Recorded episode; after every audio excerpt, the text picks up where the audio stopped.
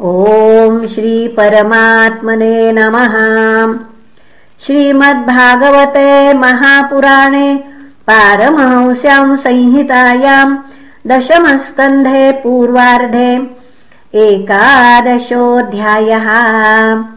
श्रीशुक उवाच गोपानन्दादय श्रुत्वा द्रुमयोः पततोरवम् तत्रा जग्मुः कुरुश्रेष्ठो निर्घातभयशङ्किताः। भूम्यां निपतितौ तत्र ददृशुर्यमलार्जुनौ। बभ्रमुस्तदविज्ञाय रक्षम् पतनकारणम्।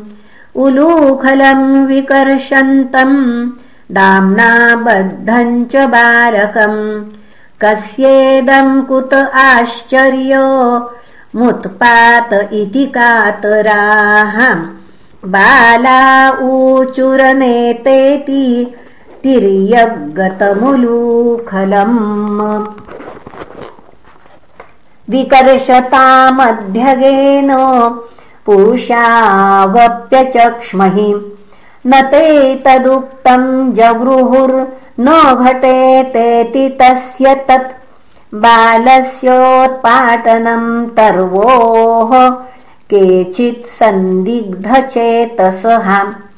उलूखलम् विकर्षन्तम् दाम्नाबद्धम् स्वमात्मजम् विलोक्यनन्दः प्रहसद्वदनो विमुमोचः। गोपीभिस्तोभितो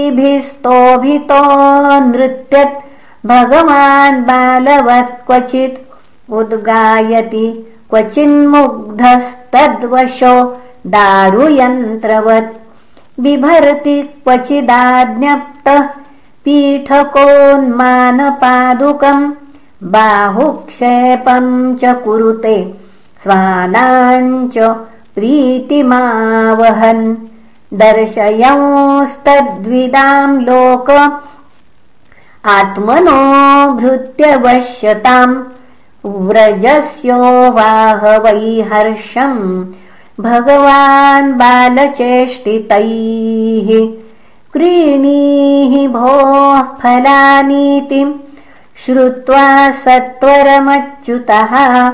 फलार्थी धान्यमादाय। ययौ सर्वफलप्रदः फलविक्रीणीतस्य च्युतधान्यम् करद्वयम् फलैरपूरयद्रत्नैः फलभाण्डमपूरि च सरित्तीरगतम् कृष्णम् भग्नार्जुनमथाभयत् रामञ्च रोहिणीम् देवी क्रीडन्तम् बालकैर्भृशम् नोपेयाताम् यदाहूतौ क्रीडासङ्गेन पुत्रकौ। यशोदाम् प्रेषयामास रोहिणी पुत्रवत्सलाम् क्रीडन्तम् सासुतम् बालैरतिवेलम् सहाग्रजम् यशोदाजोहवित्कृष्णम् पुत्रस्नेह स्नुतस्तनीम्।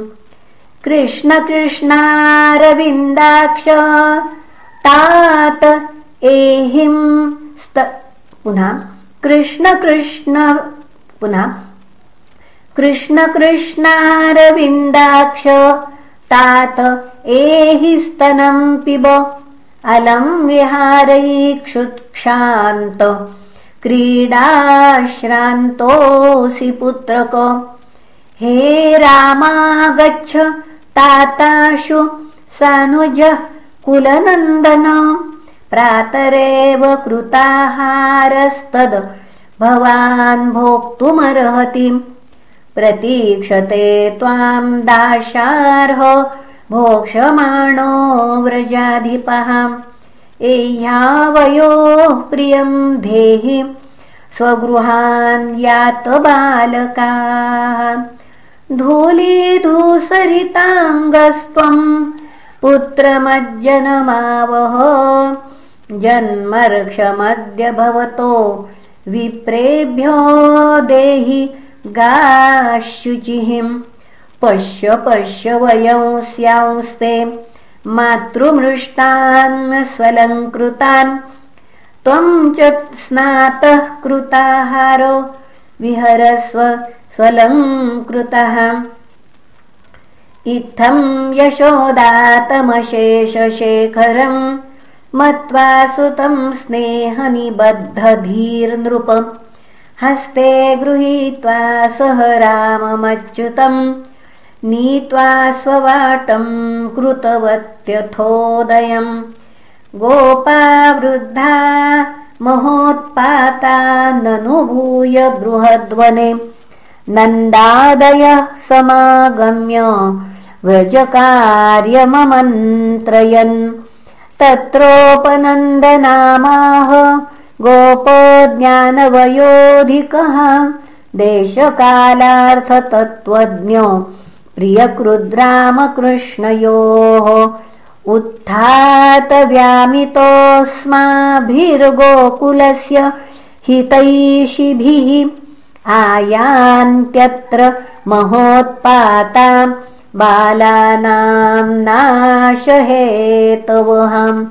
मुक्तः कथञ्चिद्राक्षस्य बालज्ञा बालको ह्यसौ हरेरनुग्रहान्नून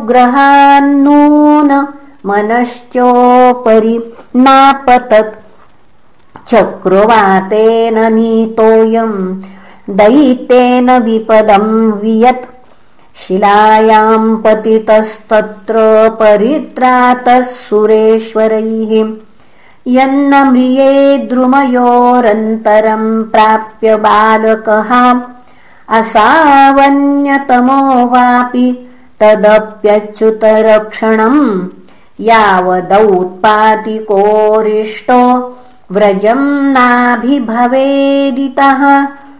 तावद्बालानुपादाय यास्यामोऽन्यत्र सानुगाः। वनं वृन्दावनं नाम पशव्यं नवकाननम् गोपगोपी गवां सेव्यम् पुण्याद्रितृणवीरुधम् तत्तत्राद्यैव यास्याम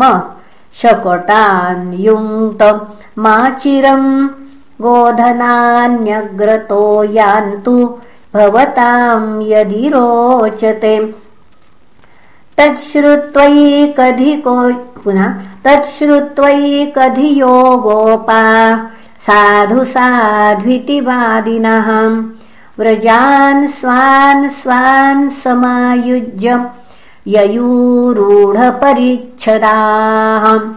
वृद्धान् बालान् स्त्रियो राजन् सर्वोपकरणानि च अनस्वारोप्य गोपाला यत्ता आत्तशरासनाः। गोधनानि पुरस्कृत्य शृङ्गाण्यापूर्य सर्वतः तूर्यघोषेण महताम् ययुः सह पुरोहिताः।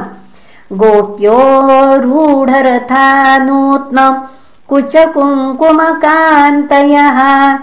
कृष्णलीला जगुः प्रीता निष्ककण्ठ्यसुवाससः तथा यशोदारोहिण्यावेकम् शकटमास्थिते रेजतुः कृष्णरामाभ्याम् तत्कथाश्रवणोत्सुके। वृन्दावनम् सम्प्रविश्य सर्वकालसुखावहम्। तत्र चक्रुर्व्रजाभासम् शकटैरर्धचन्द्रवत्। वृन्दावनम् गोवर्धनम् यमुना पुलिनानि च वीक्षासीदुत्तमा प्रीति राममाधवयोर्नृप। एवं व्रजौ